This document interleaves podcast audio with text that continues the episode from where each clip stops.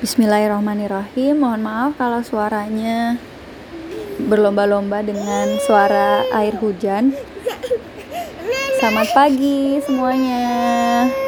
Assalamualaikum. Semoga selalu dalam lindungan Allah ya. Nah, hari ini petikan blueberry akan membacakan hikmah yang ditulis atau catatan dari Bunda Hilmiatil Alifah.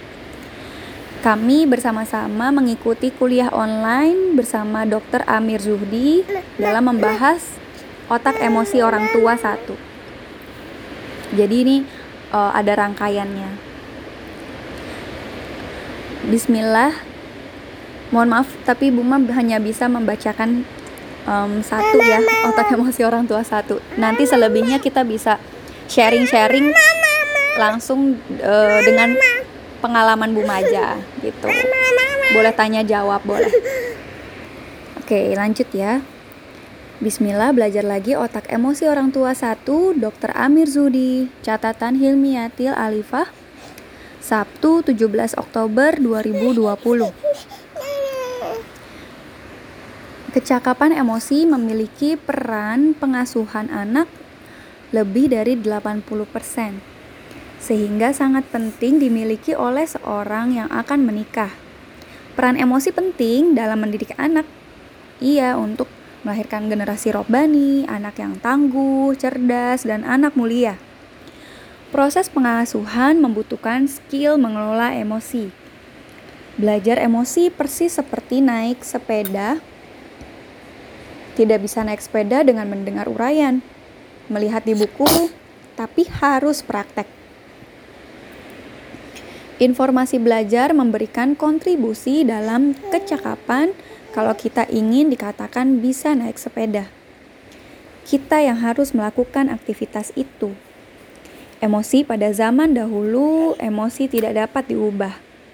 Sampai ditemukan alat pencitraan otak bahwa neuro plastisit dengan latihan mengelola emosi destruktif, emosi dapat diperbaiki.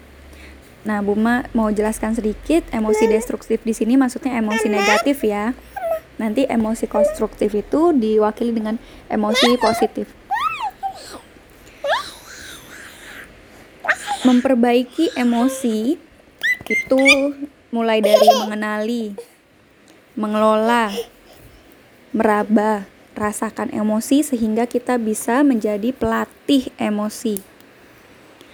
Konsentrasi pada ilmu ini mulai dari mengenali, mengelola agar memiliki ketahanan agar kuat ketika diserang emosi destruktif. Ketika kita lelah, stres, maka harus waspada. Nah, waspada ada dua wilayah. Subkortikal menimbulkan was-was dan kortikal kita bisa melihat solusi. Ilmu mempelajari destructive emotion dapat dipraktekkan dengan meng-scanning pikiran kita yang destruktif. Dengan mengenali dengan sadar sehingga kalau tidak cakap mengenali emosi, maka kita terjebak ranjau emosi. Wow, wow, hati-hati.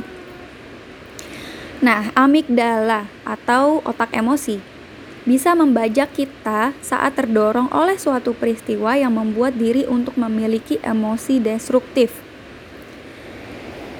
Amigdala atau otak emosi ini bisa membajak kita saat terdorong oleh suatu peristiwa yang membuat diri untuk memiliki emosi destruktif seperti orang tua yang segera mengenali dan memperbaiki emosi destruktif. Um, ini maaf saya ulang ya, eh, orang tua yang segera mengenali dan memperbaiki emosi destruktif, uh, insya Allah akan menghasilkan goal pengasuhan dengan anak-anak yang bagus emosinya. Siapa yang gak mau ya?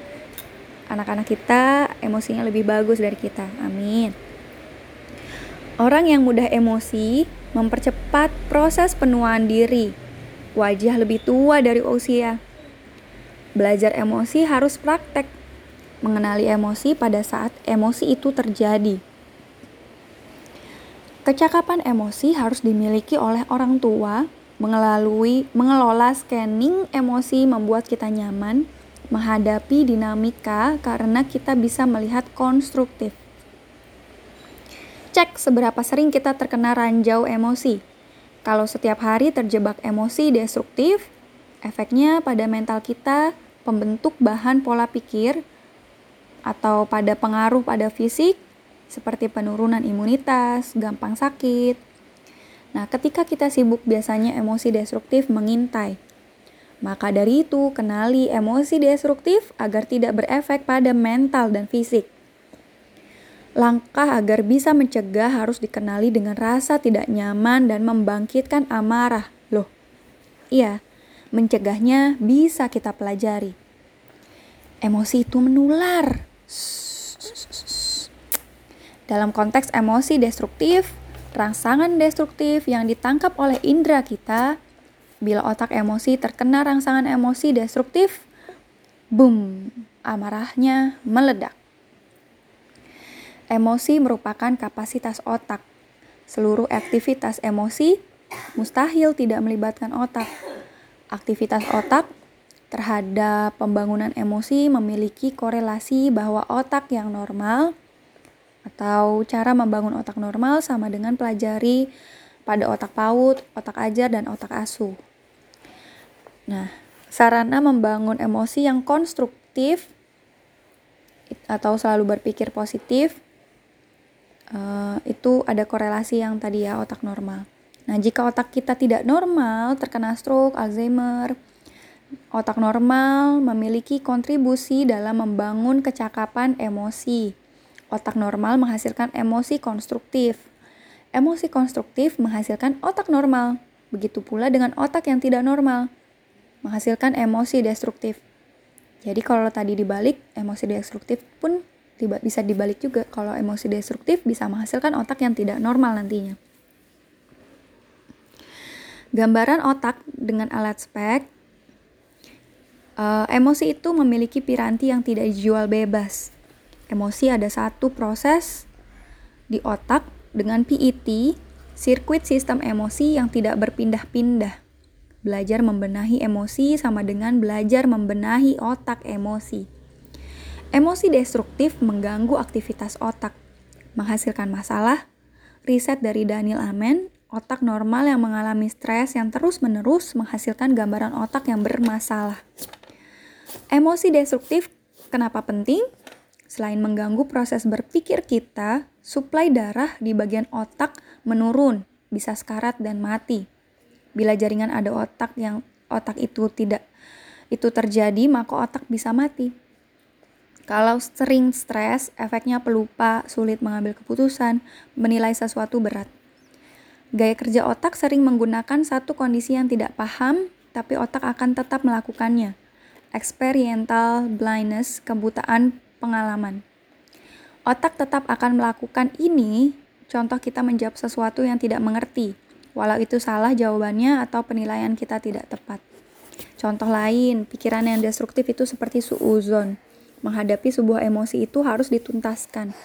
Berhenti di tengah akan berakibat fatal kalau sudah terbiasa menggunakan emosi destruktif seperti menduga-duga, suuzon, bagian bahan membangun kebutaan pengalaman atau prasangka itu akan dinyatakan otak benar. Nah, ini bahaya. Experiential blindness harus diwaspadai agar tidak salah mengambil keputusan. Maka biasakan berpikir konstruktif karena bisa membantu kita dari prasangka. Emosi destruktif bisa saja membuat kita tidak bahagia. Secara umum yang dikatakan kita bisa mengelola emosi atau berpikir jernih ada dua area subkortikal dan kortikal. Otak cara berkembangnya dari belakang ke depan. Ada belahan kanan dan kiri. Bagian belakang subkortikal fungsinya mengelola emosi. Ibu yang suka ngomel, neuronnya akan merekam, maka Anda akan jadi ahli ngomel. Perempuan suka ngomong wajar, tapi jangan suka ngomel. Hindari ngomel karena neuron akan merekam dan ini adalah cerminan keseharian aktivitas kita. Jika kita mengasuh anak dengan temperamental, maka anak akan menjadi ikut temperamental. Nauzubillah, ya Allah, istighfar banyak-banyak deh. Temukan pikiran kita self-talk, kenapa kita ngomel ke anak Ternyata ortu merasa dihina dengan perilaku anak. Tapi benarkah anak menghina? Jangan-jangan hanya pikiran kita yang salah memformat cara pikir kita. Sebaiknya jika anak sedang reaktif, menepilah. Model reaktif anak hasil dari pengasuhan. Cara kita respon rangsangan destruktif. Ya, jadinya perbaiki orang tuanya dulu. Kendalikan emosi yang destruktif dengan membangun komunikasi yang lebih baik dengan anak. Membimbing anak ketika anak sedang reaktif, syaratnya kita harus kenali emosi destruktif pada kita terlebih dahulu. Tantrum pada anak harus sudah selesai pada usia 5 tahun. Kalau tidak selesai, tantrumnya akan kebawa. Anak pinter, tapi tidak bisa mengenali emosinya. Pada kondisi tertekan, pola berpikirnya akan destruktif. Mengenali siapa teman kita ketika kita melihat saat dia ada di posisi tertekan. Bagaimana cara berpikirnya, keputusannya reaktif atau rasional. Kalau kita bosan, lakukan hal yang bisa membuat kita bahagia. Solawat, zikir, ajak diri melakukan aktivitas lain. Bosan itu aktivitas emosi. Kalau bosan, ajak badan untuk bergerak. Nanti akan fresh lagi. Jika kita bisa mengenali emosi destruktif, maka kita bisa menghindar dari emosi destruktif itu sendiri. Cara ajak badan bergerak dengan aktivitas yang tidak rutin kita lakukan. Bila sudah sampai menemukan ide baru, maka kembalilah pada tugas kita. Orang tua bisa tantrum. Spesifiknya itu proses terjadinya pada usia 2 tahun saat anak masih kecil, usia 5 tahun tidak diselesaikan jadilah terbawa sampai orang tua bisa jadi orang tua itu ternyata saat jadi orang tua bisa tantrum juga karena masa kecilnya tidak selesai. Ada yang bangga kalau dia tantrum, sampai-sampai ada yang bangga. Bekas kortisol yang nempel pada wajah menyebabkan wajah lebih tua dari usia sebenarnya. Empat hormon bahagia jarang muncul kalau kita marah dan ngomel. Yang muncul ketika kita marah hormon kortisol. Jadi kalau kita ingin marah, Kenali penyebabnya. Jangan dilampiaskan dengan dalih plong. Rasa plong itu sebenarnya menurunkan kadar bahagia kita. Suplai hormon bahagia itu menurun. Kelola marah bukan dilampiaskan. Rasa plong kalau kita marah atau ngomel indikasi kita pendendam. Pada saat kita marah, subkortikal otak hewani mengendalikan kortikal yang membedakan hewan dengan manusia, yaitu PFC.